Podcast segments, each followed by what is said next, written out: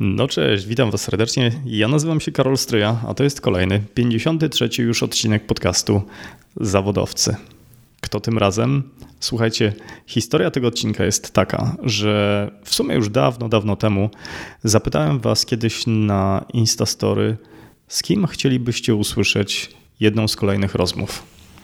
E, Dawid Straszak, który jest autorem podcastu Charyzmatyczny, odpisał, że z chęcią wysłuchałby rozmowy z kontrolerem ruchu lotniczego. Zatem przychodzi czas spełnienia tej prośby. Moim i waszym gościem będzie dzisiaj Bartek Rabiński, który jest kontrolerem ruchu lotniczego. Pracuje w Warszawie, monitoruje polskie niebo i za chwilę opowie wam, na czym ta praca polega. Ten odcinek powstał również e, dzięki pomocy jednego z poprzednich gości podcastu Zawodowcy, Oskara Maliszewskiego, którego historię o tym, jak został pilotem prywatnych odrzutowców, mogliście już usłyszeć w 26 odcinku. Cóż, nie pozostaje mi nic innego, jak życzyć Wam wszystkiego dobrego i do usłyszenia.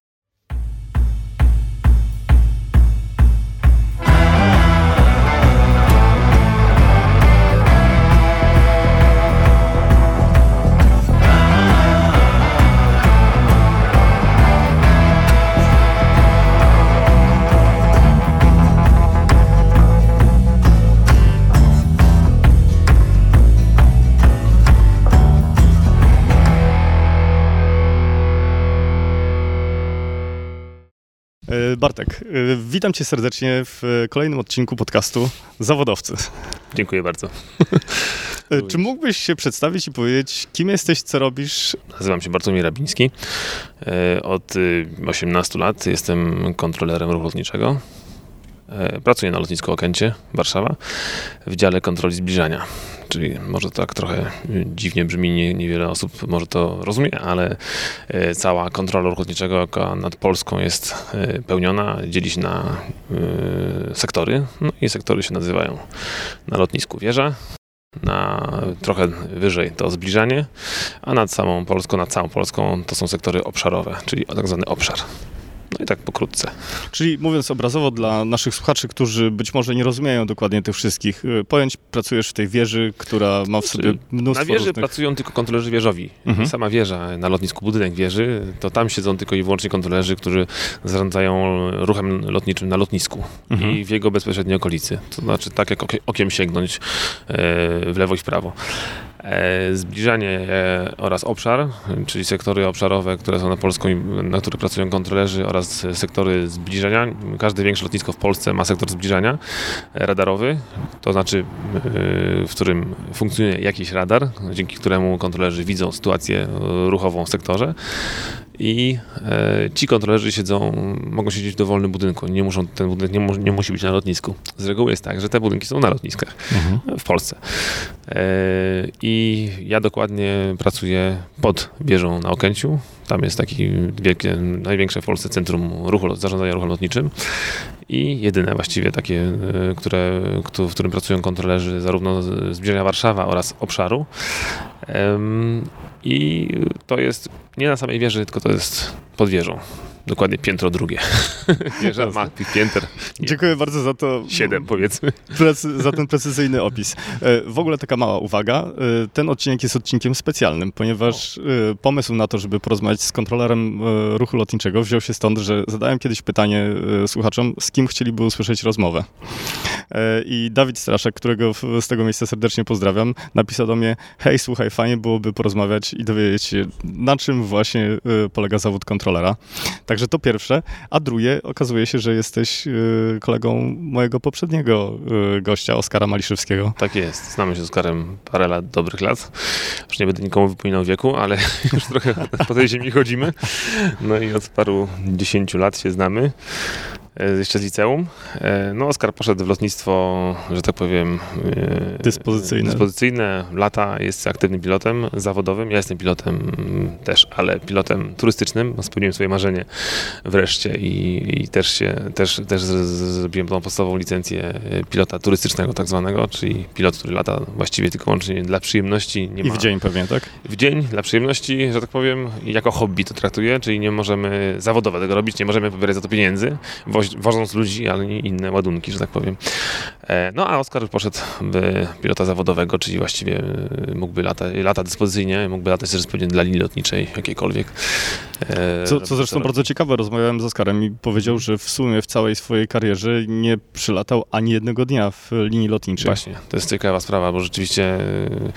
A lata najlepszymi samolotami tak, na ale gro ludzi właśnie wiąże karierę pilota tak mi się wydaje z rozmów z kolegami, to postrzegam, że oni wiążą tą karierę swoją, przyszłą, jak są pilotami turystycznymi, potem robią licencje zawodowe i każde te e, ratingi do licencji, czyli te wielosilniki, uprawnienia na kolejne, kolejne szczeble, to każdy chce do linii i się, tak ogólnie mało osób, e, albo przypadkiem chyba trochę, idzie gdzieś w lotnictwo dyspozycyjne, no właściwie mainstream idzie do linii, że tak powiem. No w ogóle historia Oscara, y, my z Oscarem znaliśmy się od mm. dwóch czy trzech lat, ale nie znałem jego całej historii tej zawodowej. Okazała się być y, y, z, z plotem zbiegów okoliczności tak. i naprawdę niespodziewanych zwrotów akcji, bo, bo między innymi był taksówkarzem w, mm. w Nowym Jorku po to, żeby zostać... No, tak to bywa wśród pilotów, szczerze mówiąc, bo jak się czyta historię pilotów chociażby z II wojny, Jana Zumbacha albo innych, którzy latali jeszcze mm, podczas II wojny światowej i to, co się nim potem działo. To, to po prostu są też kwestie przypadku, trochę, trochę szczęścia, trochę y, no, pewnego splotu okoliczności i, i każdy no, jakby wiązał swoją, swoją, swoją działalność z lotnictwem, ale rzeczywiście wiele osób miało to wszystko, znaczy wszystko się działo troszeczkę przypadkowo, troszeczkę właśnie też zależy to wszystko od koniunktury mhm. na rynku, szczególnie teraz, no, ja tu trochę o historycznych czasach mówię, ale, ale teraz y, jest tak, że rzeczywiście linie lotnicze potrzebują pilotów i z tego co dowiem, polskie linie lotnicze LOT zatrudniają pilotów nawet z takim nalotem jak mój, y, oczywiście do dalszego kształcenia. Naturalnie. Y, ale, ale biorą, potrzebują podobno mnóstwo personelu latającego i bo, bo mają plany dokupić kilkadziesiąt maszyn nawet. W związku z tym no, teraz jest taki boom na pilotów. Teraz akurat. Jeszcze parę lat temu y, wielu pilotów było powiedzmy bezrobotnych, bo, bo przy upadku linii Central Wings i tak dalej, przy takich różnych tam perypetiach związanych na rynku lotniczym, to no to, to można Nie to... mówiąc o OLT. No właśnie, nie mówiąc o OLT, to, to wszystko jest taka sinusoida. Raz, raz piloci są bardzo potrzebni na rynku, a raz mhm. jest, jest, ich za dużo. No akurat teraz mamy e, hostce dla pilotów. No dobrze, ale wracając do ciebie, bo e, z tobą i o tobie chciałbym, żeby była ta, e, ta okay. rozmowa. To jak to było z tobą, Bartek? Ja zawsze też chciałem mieć coś wspólnego z lotnictwem, od, od, od małego, że tak powiem, i, i, modelarnia, i zainteresowania lotnicze, no jak większość chłopaków w, w naszych młodych czasach, że tak powiem. Wiesz, muszę ci przyznać, tylko zrobię małą dygresję. Tak? Pamiętam, jak byłem dzieciakiem, chodziłem do, do, właśnie robiłem modele i pamiętam, że y, mój model, z którego byłem najbardziej dumny, to była Cybra chyba. F, F86? Proszę bardzo. Wykonana ze sklejki. Ze sklejki, tak. Pięknie. E, ja sklejałem raczej takie plastikowe modele, ale no zawsze tam i drugowojenne i, i no ogólnie rzecz biorąc z, ze śmigłami, turbo śmigłowe, też tłokowe. No i zawsze chciałem latać. Na szybowce mnie w liceum niestety nie wzięli. Poszedł jeden kolega z klasy, drugi z klasy. Nie, chyba Oskar chyba nie, ale... A, a do jakiego liceum chodziłeś? Do Rejtana mhm. w Warszawie. No i e, mnie nie wzięli, no bo wtedy była taka koniunktura, że brali tylko tych, którzy mieli żelazne zdrowie. No i rokowali na przyszłość, że to były jeszcze, to były lata 90. powiedzmy, to już, właśnie, to już była trzecia Rzeczpospolita, więc się wszystko, wszystko się zmieniało i aerokluby też się zmieniały, ale ogólnie biorąc, mentalność e, jeszcze w, w ośrodkach e, medycyny lotniczej była taka, że bierzemy, były te wymagania były takie, że bierzemy, ci co na szybowce idą, to z perspektywy mają potem usiąść za sterami MIGA albo innego wojskowego samolotu. O, ciekawe. No, tak jak kiedyś w PRL-u brano. Mhm. No inwestowano ludzi, no bo aerokluby działały przecież z, z, tylko dotacją państwa i wyłącznie, więc lata, latanie No nie było czegoś takiego jak prywatne szkoły nie przecież. było takiego jak prywatne szkoły w PRL-u, za latanie się nie płaciło, a, a teraz y, aerokluby no, tych dotacji mają jak na lekarstwo, jeśli w ogóle mają i muszą utrzymywać się komercyjnie de facto ze szkolenia komercyjnego, czyli kiedyś jak chciałeś latać, no to na kurs szedłeś, jeśli się załapałeś, miałeś dobre zdrowie, to, to zostawałeś pilotem i się tak nadawałeś, a teraz jest tak, że no, trzeba mieć pieniądze. Mhm. I... Czyli co, liceum, Rajtan? Liceum, po liceum no, stwierdziłem, że trzeba coś robić, też chciałem coś robić, e, kształcić się dalej, e, jak, no, wiedziałem, że raczej jako inżynier, ale, ale, ale nie wiedziałem do końca, e, jaki kierunek wybrać. No, wiedziałem, że chciałbym coś, chciałem robić coś związanego z lotnictwem. Wydział Mechaniki, Energetyki i Lotnictwa był w, w, w zasięgu, aczkolwiek stwierdziłem, że tam to na inżynierów to Jeden z bardziej ambitnych w ogóle. samolotów, tak, tam trzeba się wykazać mega wiedzą. Mhm. Więc stwierdziłem, że coś może, a ja tam, że tak powiem, ze przedmiotów ścisłych, może jak chemia, czy, czy, czy nie byłem zbyt, zbytnim asem, ale stwierdziłem w związku z tym, że pójdziemy troszkę mniejszej linii oporu i poszedłem na Politechnikę Warszawską również, ale na transport. I na transporcie, Wydział Transportu znalazłem, który miał, yy, wydział, który miał kierunek sterowania ruchem lotniczym. No i do tej pory ten, ten kierunek jest i się ma, ma, ma, się, ma się nieźle. Notabene mnóstwo kolegów yy, z pracy co jest po tym kierunku właśnie studiów. Yy, został kontrolerami lotniczego. Czyli to była taka naturalna ścieżka w studia kierunkowe i potem... Troszkę jak... tak, mhm. ale troszkę przypadkowa, bo, bo nie, nie, wtedy jeszcze nie myślałem o tym, żeby aplikować na, do, do, do, do wtedy Agencji Ruchu Lotniczego, do portów lotniczych właściwie, która, z których się wydzieliła dopiero potem Agencja Ruchu Lotniczego. Porty lotnicze wtedy jako przedsiębiorstwo państwowe um, kształciły kontrolerów i one zarządzały ruchem lotniczym nad Polską. E, wszystko się urodziło wtedy, gdy na trzecim roku, bodajże czy czwartym, poszliśmy na wycieczkę taką właśnie branżową do Centrum Zarządzania Ruchem Lotniczym dzisiejszego Polskiej Agencji Żeglugi Powietrznej. No i tam zobaczyłem zawód, poznałem mm, kontrolerów, poznałem, zobaczyłem jak, jak to wygląda, z czym to się je i stwierdziłem, że chciałbym tutaj aplikować. No i wtedy się zaczęło. Jakie cechy musi mieć kontroler? Jaki musi być człowiekiem? Jakie musi mieć e, no, umiejętności? Ogólnie biorąc, to jest kilka umiejętności jakby połączonych. To, to jest trochę jak pilot. No, to jakby te zawody się, powiedzmy, bardzo, bardzo wymagania do tych zawodów do jednego drugiego są bardzo komplementarne, można nazwać to tak, i są, e, są podobne. No, musisz umieć skupić uwagę, musisz e, szybko podejmować decyzje. E, stres, który się pojawia, musi działać na ciebie powiedzmy mobilizująco. Nie możesz, no pewien poziom stresu powinien działać mobilizująco, oczywiście te, te, ten poziom stresu raz jest większy, raz jest mniejszy. I, I, wiadomo, że ten większy stres y, może paraliżować, ale mm, ogólnie rzecz biorąc trzeba sobie z tym zmęczeniem i ze stresem radzić, zarówno i w kokpicie, jak i na ziemi y, za, za mikrofonem i, że tak powiem, przed stanowiskiem radarowym. Co jeszcze? Trzeba umieć się właśnie regenerować, żeby, żeby, żeby potem pracuje się po godzinę, po dwie godziny, potem się ma godzinę przerwy. O, ciekawe. Ustawowo to nie, nie możemy pracować więcej niż trzy godziny na stanowisku kontrolera lotniczego, czyli dwie godziny to jest maks i potem musimy mieć godzinę przerwy. Więc trzeba, jeśli coś się wydarzyło przez te dwie godziny, musimy przez tą godzinę jakby przejść I, nad tym do porządku dziennego. Jak wygląda ten, ten relaks? Nie wiem, jeszcze robisz raz. drzemkę? To mamy socjalne pomieszczenie, w którym mhm. można się i przespać, można pójść coś zjeść, można nawet pójść na basen, bo jeśli ma się powiedzmy półtorej godziny wolnego, to się nawet zdąży człowiek i na basen przejść, bo jest tam taki mały basen udostępniony, jest sala gimnastyczna, więc jakby przez sport tak samo człowiek się bardzo mocno regeneruje i bardzo fajnie, że tak powiem, te stresy odpływają. Jak wyglądają dyżury? To dyżury pełnisz codziennie, tak, co drugi no, dzień? Służba na lotnisku Okęcie i na zbliżaniu i na, i na obszarze jest pełniona 24 godziny na dobę, czyli dyżury są, dyżury rozpoczynamy o różnych porach. Są dyżury na 6 rano, są dyżury na 9, są dyżury na 11, na 13, na 16. No tak, bo nie boniaczki, na 21, na 22, 30. No i że tak powiem, każdy dyżur ma swoją specyfikę. Na jednych dyżurach jest więcej e, roboty, na innych jest mniej. No to bo wiadomo, że ruch lotniczy też jest nad Polską rozkłada dobowo różnie. No w nocy mniej z tych samolotów lata, w ciągu dnia na samym zbliżaniu jest, są, są zloty duże. I Czyli kiedy są takie rush hours? Takie rush hours na, na Okęciu samym są 6 rano. To jest taki zlot, dwadzieścia kilka maszyn przylatuje w ciągu pół godziny i trzeba to wszystko posadzić na ziemi. E, w, około godziny 9, około godziny potem 12 12, yy, około godziny 15, 18 oraz 21. Taki lot wieczorny mhm. z większych. Takie zloty mogą się odbyć oczywiście bez, bez, bez przeszkód, bez problemu, e, gdy, gdy jest ładna pogoda, gdy, jest, e, gdy, nie, ma, gdy nie ma żadnych ograniczeń, jeśli chodzi o port, o pasy, wszystko jest dostępne i tak dalej, a są też komplikacje, gdy są chmury, busy stoją nad Polską, nad, nad Warszawą, trzeba te chmury ominąć i wtedy jest, i wtedy jest problem. Dobrze, Bartek, a gdybyś miał opowiedzieć sześciolatkowi, mhm. na czym polega dokładnie twoja praca? Jeśli miałbym mówić do sześciolatka, jako taką córkę posiadam najmłodszą, ogólnie rzecz biorąc, rysuje samoloty, więc wie o co chodzi z samolotami, że lata sama latała kilkakrotnie, leciała samolotem, więc y, mniej więcej wie o co chodzi. Wie, że tata siedzi gdzieś tam w okolicach tej wieży, którą tam widać na horyzoncie, jak się wsiada, jak się wsiada z samolotu. Określiłbym to tak. Kontrola ruchu lotniczego polega na E, pilnowaniu tych samolotów, żeby nam nie pouciekały i żeby nam gęsiego do lądowania podeszły w odpowiednim porządku.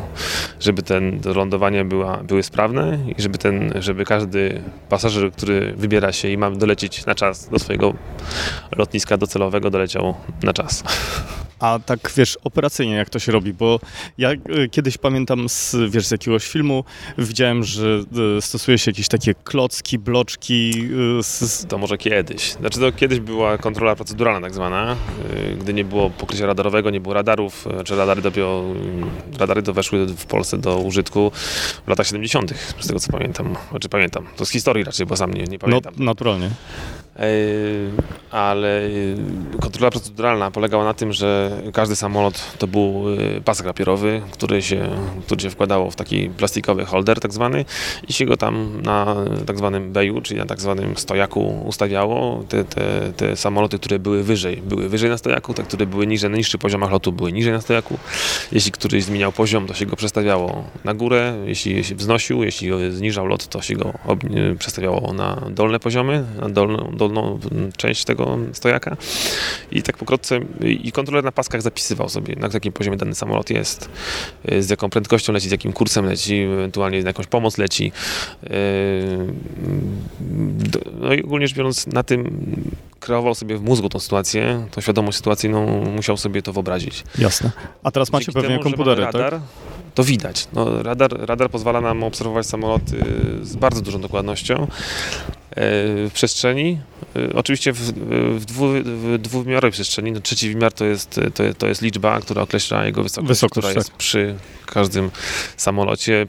Jest etykieta, na tej etykiecie radarowej jest, są wszelkie dane, z jaką prędkością samolot leci, akurat względem Ziemi, na jakiej wysokości jest, jaki ma swój unikalny numer transpondera, jak się nazywa ten samolot, przede wszystkim jaki to jest lot, czy to jest lot, czy to jest Air France, czy to jest KLM, jaka to jest linia, jaki ma numer lotu.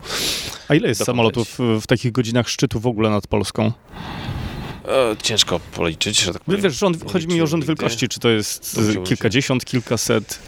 E, jednorazowo w ciągu, w ciągu, jednorazowo jakbyśmy tak zatrzymali czas, stop, zrobili stop klatkę taką. Wtedy, kiedy zdjęcie. jest największy ruch po prostu na no, niebie. No, to jest na pewno kilkaset, może być, może być około, około, około 100-200 samolotów nad Polską mhm.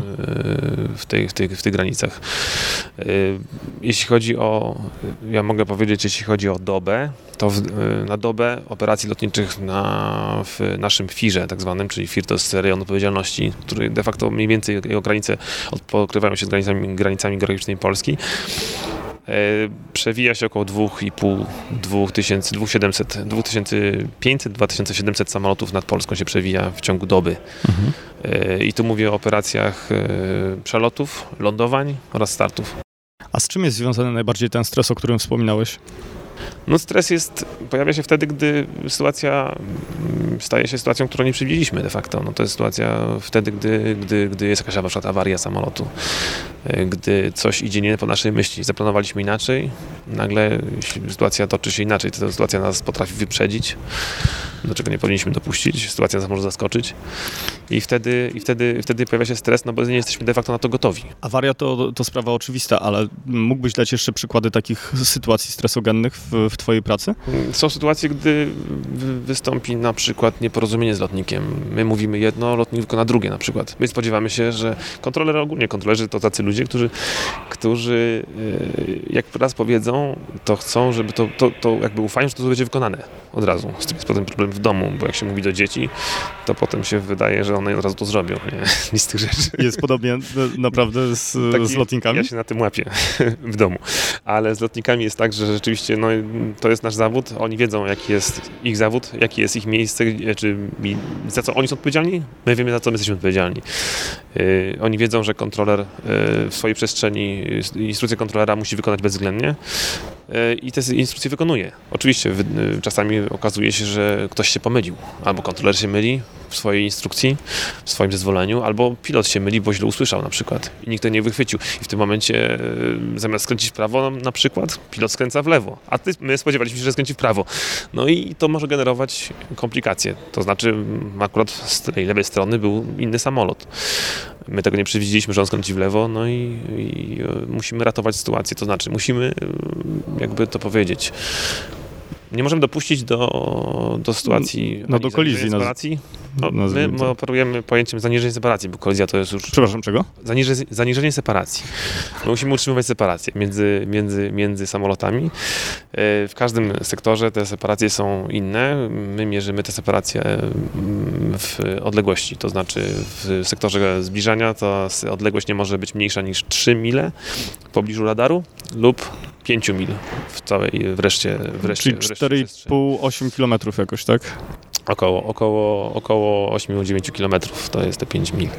E, na obszarze, czyli w, przy przelotach, to jest 7 mil e, odległości bocznej między samolotami. Jeden za drugim bocznej, e, a jeśli chodzi o poziomy, to jest 300 metrów. Czyli jeden to jest 1000 stóp. Jeden samolot na drugim nie może być niżej niż 300 metrów, przelatując obok siebie, to jest nad sobą. To z tego, co mówisz, to y, twoja praca to nie tylko taka analiza, patrzenie w ekran i tak dalej, ale przede wszystkim komunikacja. Komunikacja, która zapewnia ogólnie rzecz biorąc w dwóch y, punktach. Efektywny prze, przepływ tego ruchu lotniczego a w drugim punkcie, jeśli nie najważniejszy, to bezpieczny przepływ tego ruchu lotniczego. To znaczy samoloty mają nie być za blisko siebie, ale jednocześnie samoloty mają yy, podchodzić do lądowania w jak najkrótszych odległościach dopuszczalnych, żeby jak najwięcej tego ruchu upchnąć przy jak najmniejszych opóźnieniach. Mm, I waszym językiem komunikacji jest język angielski? Język angielski jest, yy, tak, język angielski jest yy, językiem komunikacji. Korzystamy z tak zwanej frazologii lotniczej. To jest specyficzny angielski, który no nie jest do końca angielskim, takim plain English, jak to uczą na egzamin First Certificate, ale to jest y, angielski, który jest pisany w książce, w instrukcji. Hasła, skróty po prostu tak, takie, skróty, z którymi... Tak, aby y, zarówno pilot y, z Chin, jak i pilot z Malezji, jak i pilot z Ameryki mogli, kontroler z Ameryki mogli się dogadać. A z jakimi pilotami rozmawia się najciężej? No chyba z tymi z Chin, ale to najlepsi, najwięcej o tym będą mogli powiedzieć koledzy z obszaru. Oni mają tych pilotów po prostu całą masę. Do Warszawy Warszawy lata e, Air China mhm. od jakiegoś czasu. E, nie powiem, nie miałem jakichś problemów strasznych z tymi pilotami, aczkolwiek e, na obszarze dochodzą jeszcze nie tylko problemy, jeśli chodzi o wymowę i tak dalej, ale też problemy o zasięg o zasięg radia, o, o jakość tej transmisji. O. I naprawdę czasami stoję A, a to, są, kolegów, to jest system słucham, jakiś satelitarny, radiowy? Nie, to Jak to wygląda? System radiowy na, mhm. na, na, na, częstotliwościach y, lotniczych, czyli od 118 MHz do 135 MHz mamy częstotliwości i y, działamy na tych częstotliwościach normalnie na, na, na jak, tak jak radiowcy. A to jest tak, że każdy samolot ma swój własny kanał i swoją Nie, częstotliwość, jest czy jest kanał ogólny? Jeden, na... Kanał, każdy sektor ma jeden kanał, y, jeden, jedną częstotliwość. To znaczy może mieć kilka nadajników, ale częstotliwość jest jedna i porozumiewamy się w, porozumiewamy się w nadawanie, odbiór, nadawanie, odbiór, nadawanie, odbiór. To słuchaj, to tak jak... Więc jakby to jest taka troszeczkę pięta hilesowa kontroli lotniczego w dzisiejszych czasach. Są już, są. No, wykorzystujemy też data link. Ostatnio w, w Polsce, nad Polską jest dopuszczone wykorzystanie data linku tak zwanego, czyli to się nazywa Control Pilot Data Link Connection, CPDLC w skrócie, gdzie na, na, na poziomach przelotowych, czyli w skrócie w sektorach obszaru, możemy wykorzystać data link, czyli w skrócie to wygląda dla lejka tak, że piszemy do pilota SMS. Pilot odczytuje ten SMS i go potwierdza, że odczytał i... To chyba dużo precyz, bardziej precyzyjny sposób komunikacji, Przede prawda? Przede wszystkim odciąża eter radiowy. No, przy, od, I czy wtedy Data Link automatycznie wprowadza dane y, do systemu nawigacji samolotu, czy jest to Nie, tylko to i wyłącznie? pilot musi potwierdzić, że odczytał i pilot musi wprowadzić to już ręcznie, z tego co się orientuje oczywiście. E, no ale to jest jakby w przestrzeni polskiej to działa mniej więcej od roku i to jest nowość, że tak powiem. A na ile ta technologia może w momencie, kiedy by się rozwinęła, wyeliminować czynnik ludzki? Mm, Bo mówią ludzie, powiem, że... powiem do czego zmierzam. No.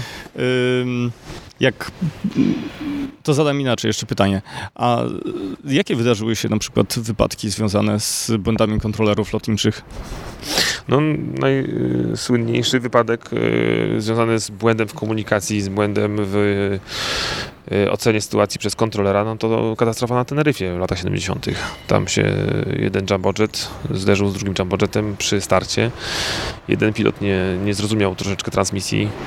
Y, to było, wydarzyło się we mgle, więc jedni, jeden, jedna załoga drugiej załogi nie widziała na pasie, która jedni uważali, że mieli dostali zgodę na zajęcie pasa, drudzy na przecięcie pasa. Mhm. Drudzy uważali, że dostali zgodę na start. Tam był błąd nie tylko. Ogólnie rzecz biorąc... No ale poza tym to było 40 lat temu. To było 40 lat temu, ale ogólnie rzecz biorąc e, z tego co pamiętam, to to e, był błąd e, między innymi w komunikacji.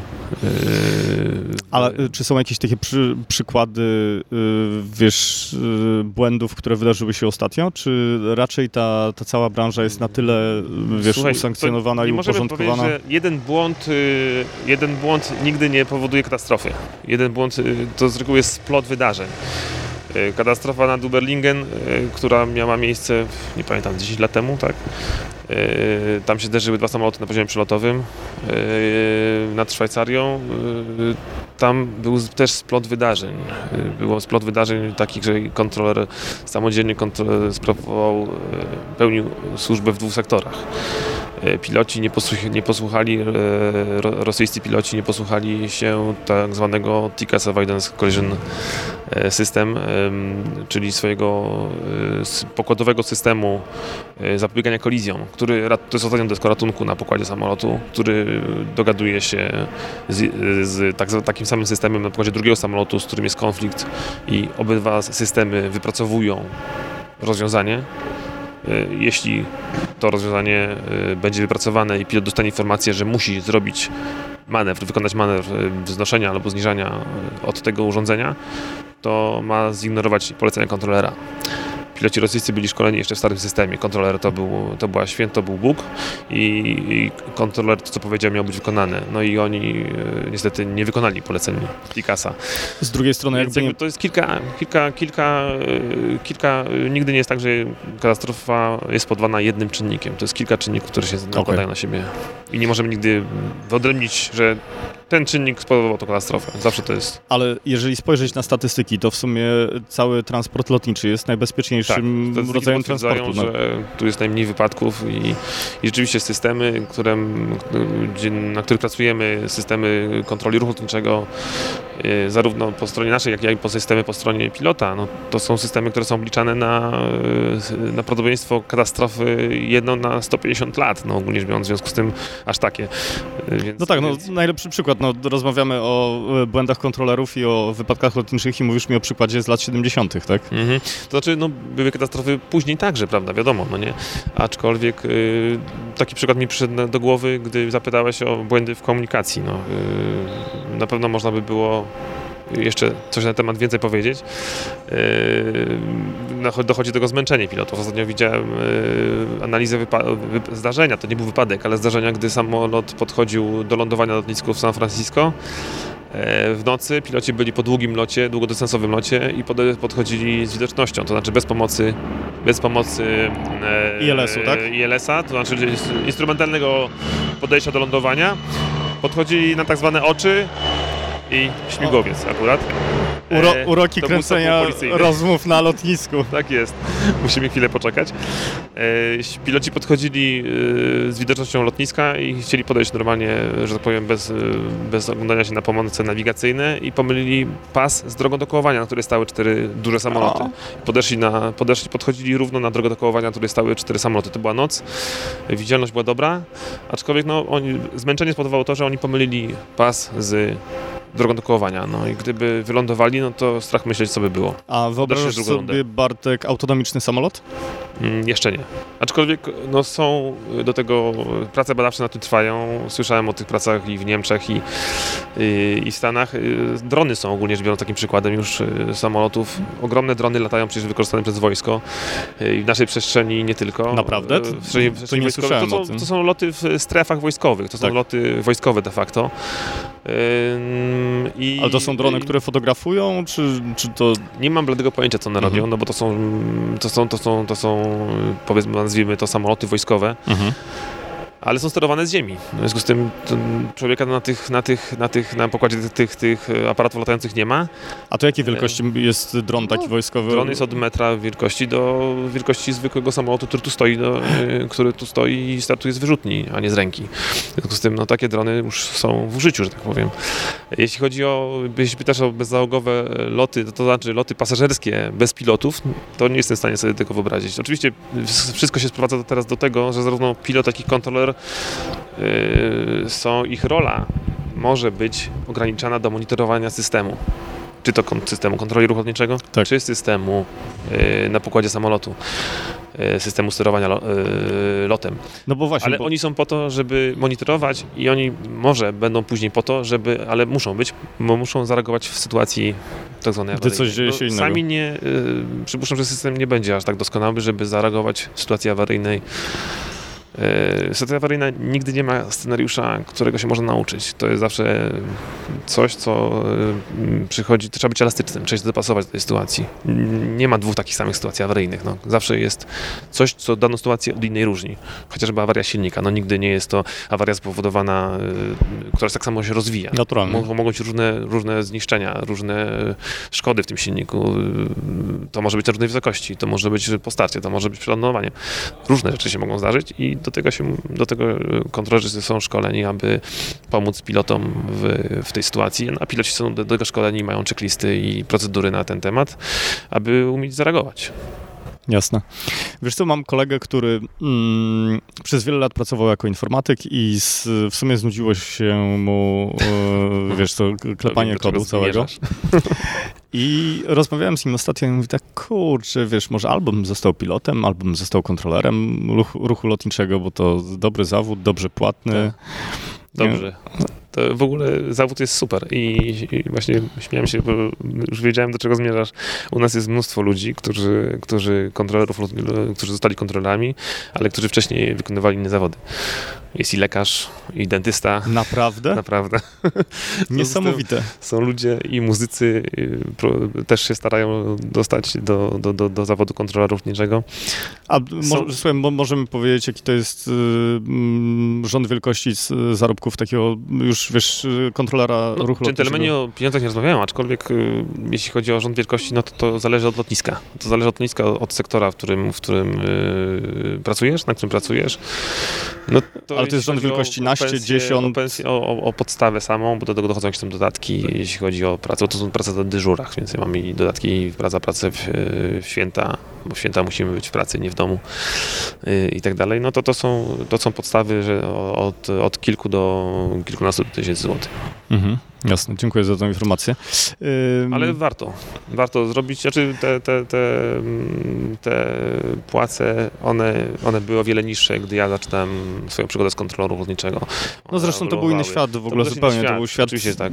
No teraz można powiedzieć, że bo teraz zarabia tak, jak koledzy na zachodzie zarabiają. Tak, no bo umówmy jest... się, teraz agencja to jest mhm. prywatna firma, prawda? To nie, nie, to jest cały czas państwowa? Państwa. Mhm. Tak, okay. to jest cały czas spółka Skarbu Państwa i podlega jest ustawa o Polskiej Agencji Żeglugi Powietrznej. I to jest na razie jedyna firma, która zapewnia e, kontrolę lotniczego w Polsce. No dobrze, ale to wracając do, do tematu, hmm. czyli jestem informatykiem, lekarzem, tak. wiesz, i znudziło mnie moje dotychczasowe zawodowe życie. Naprawdę jestem mega zdziwiony tym, co mówisz, że lekarz czy dentysta rzucił swoją pracę i został kontrolerem no. ruchu. Znaczy, nie wiem, czy rzucił, nie wiem, czy oni nie, nie, nie, nie, nie, nie praktykują jeszcze jakieś praktyki. Chyba dentysta chyba prowadzi, ale o, nie, co ty nie, mówisz, nie, jestem, no? nie, nie, będę, nie dam sobie ręki odciąć.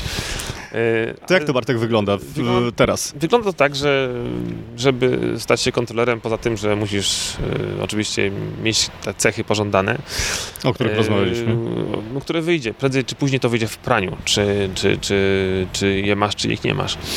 E, to musisz zdać angielski na poziomie powiedzmy tego First Certificate. Kiedyś to był First Certificate, teraz nie pamiętam jaki to jest egzamin. E, jest chyba no, First Certificate, potem jest Advanced, potem jest na, first, na poziomie First Certificate to wydaje mi się, że ta wiedza jest wystarczająca, żeby, żeby się dostać. E, trzeba mieć maturę i dobry stan zdrowia de facto. Nabór na, na kursy kontrolerskie jest przeprowadzany z reguły w Warszawie, trwa, trwa około pół roku, z tego co słyszałem.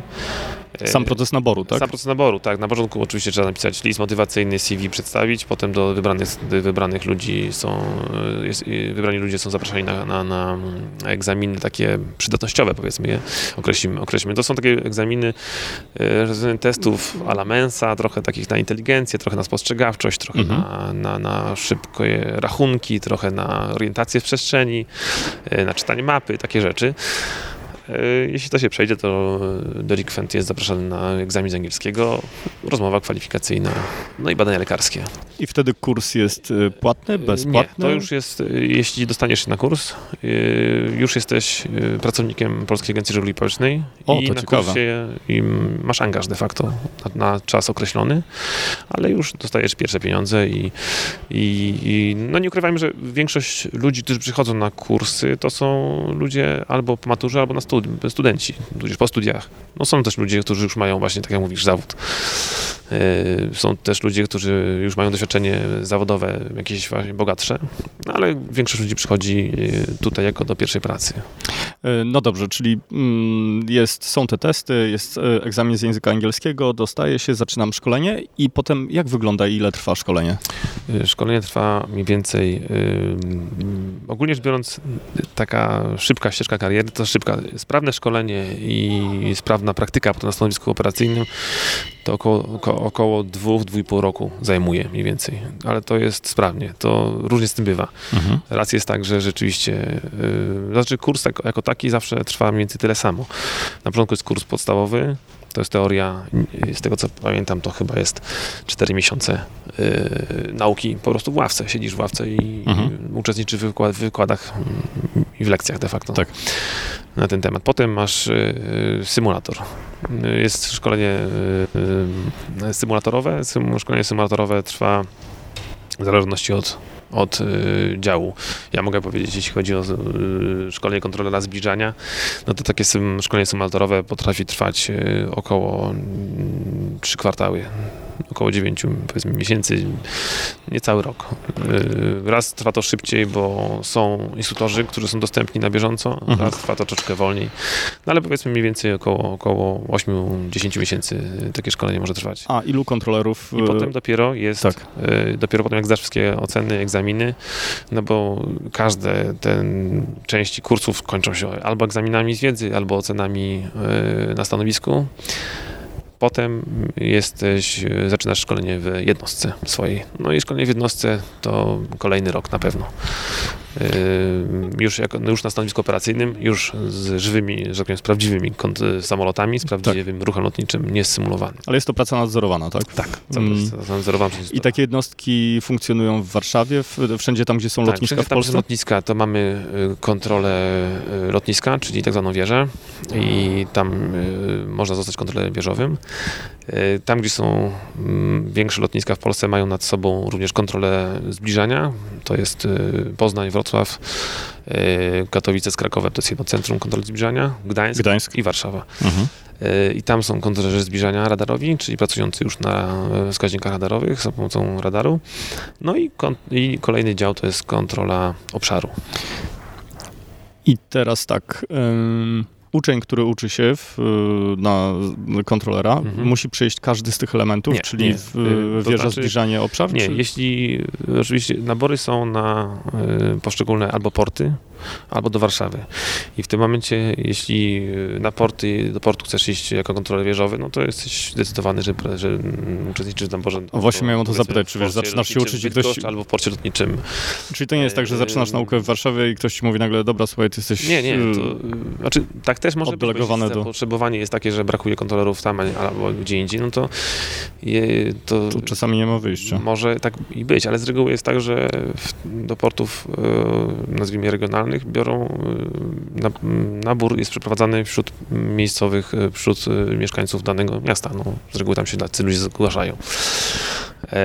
A do Warszawy to różnie. Do Warszawy przyjeżdżają ludzie i spoza Warszawy pracować, i, no i z Warszawy. Ja akurat jestem z Warszawy i, i się zgłosiłem na Warszawę oczywiście.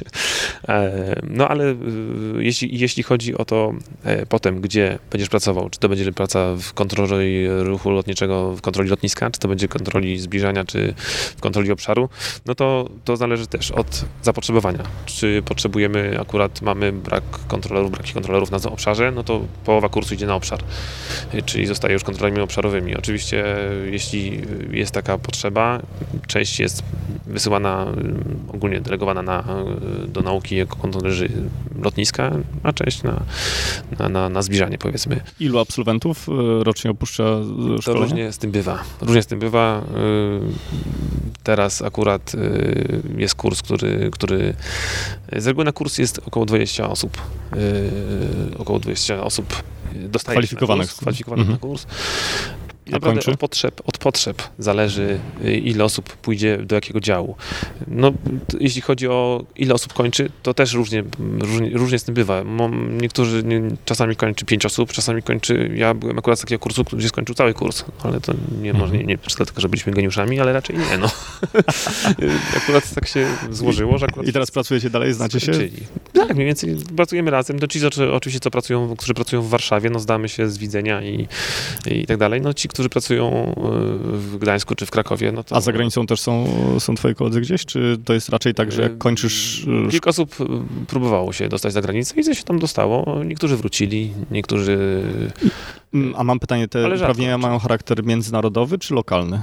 Y, lokalny raczej. To znaczy lokalny. Te licencje są niby tak samo ważne, aczkolwiek y, jeśli y, chciałbyś pracować w Niemczech, czy w Holandii, czy w Szwajcarii, musisz tam od nowa zrobić to uprawnienia. De facto oczywiście to, że zrobiłeś to, to w Polsce, to, to jest duże ułatwienie. Plus, dodatkowe mhm. dla, dla ciebie, dodatkowe ułatwienie, bo wiesz o co chodzi, wiesz z czym to się je, ale tak czy siak tam wymagane jest przejście całego kursu więc y, gdzie niegdzie na przykład w Niemczech jeszcze trzeba było znać niemiecki dobrze, y, więc też jest jakaś tam bariera, prawda?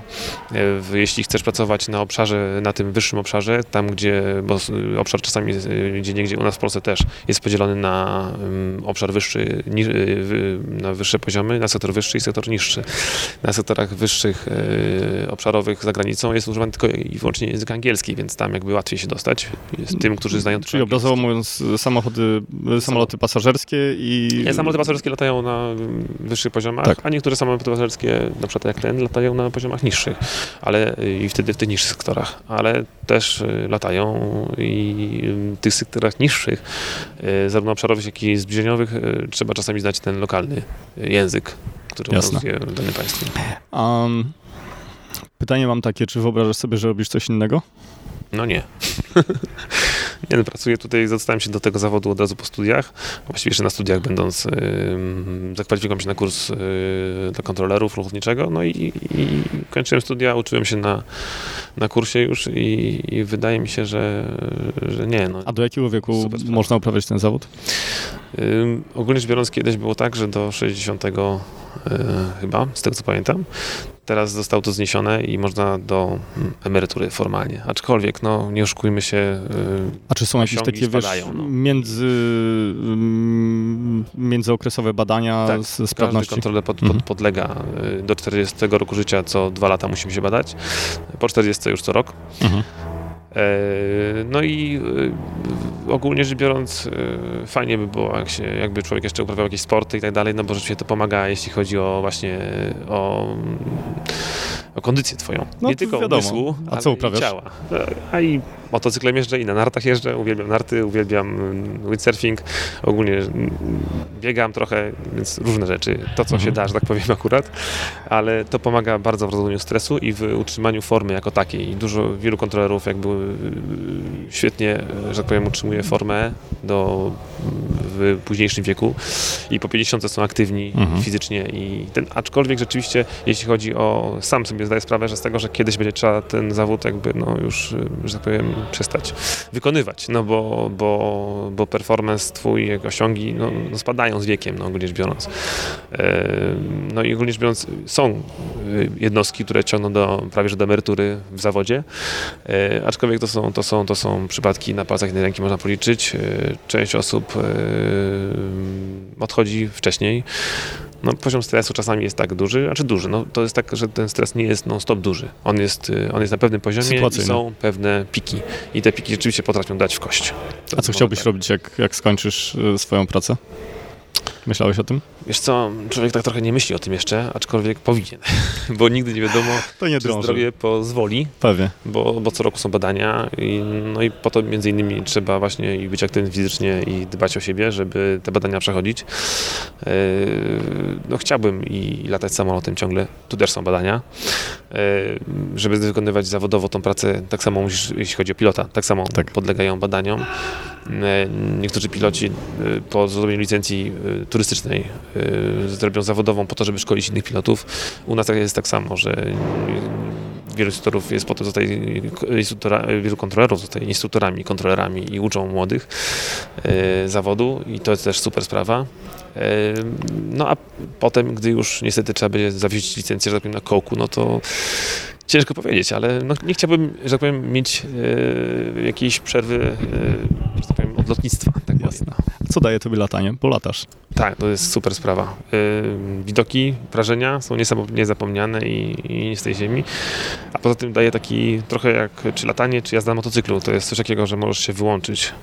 Jak sam jeździłeś, to pewnie wiesz, że e, z, i z lataniem, i z jazdą na motocyklu jest tak, że ty wsiadasz na motocykl albo wsiadasz do kabiny i jest tylko ty i samolot, ty i, droga, ty i no. motocykl, ty i droga tak. I, I to jest bardzo ważne, żeby, no, od tego zależy twoje bezpieczeństwo de facto, żeby nie zostać przez nikogo potrąconym, ani żeby, żeby niczego nie przeoczyć w samolocie e, to skupiasz się na tym, co robisz i to jest, no to jest to. Gdzie to są najładniejsze widoki nad Warszawą?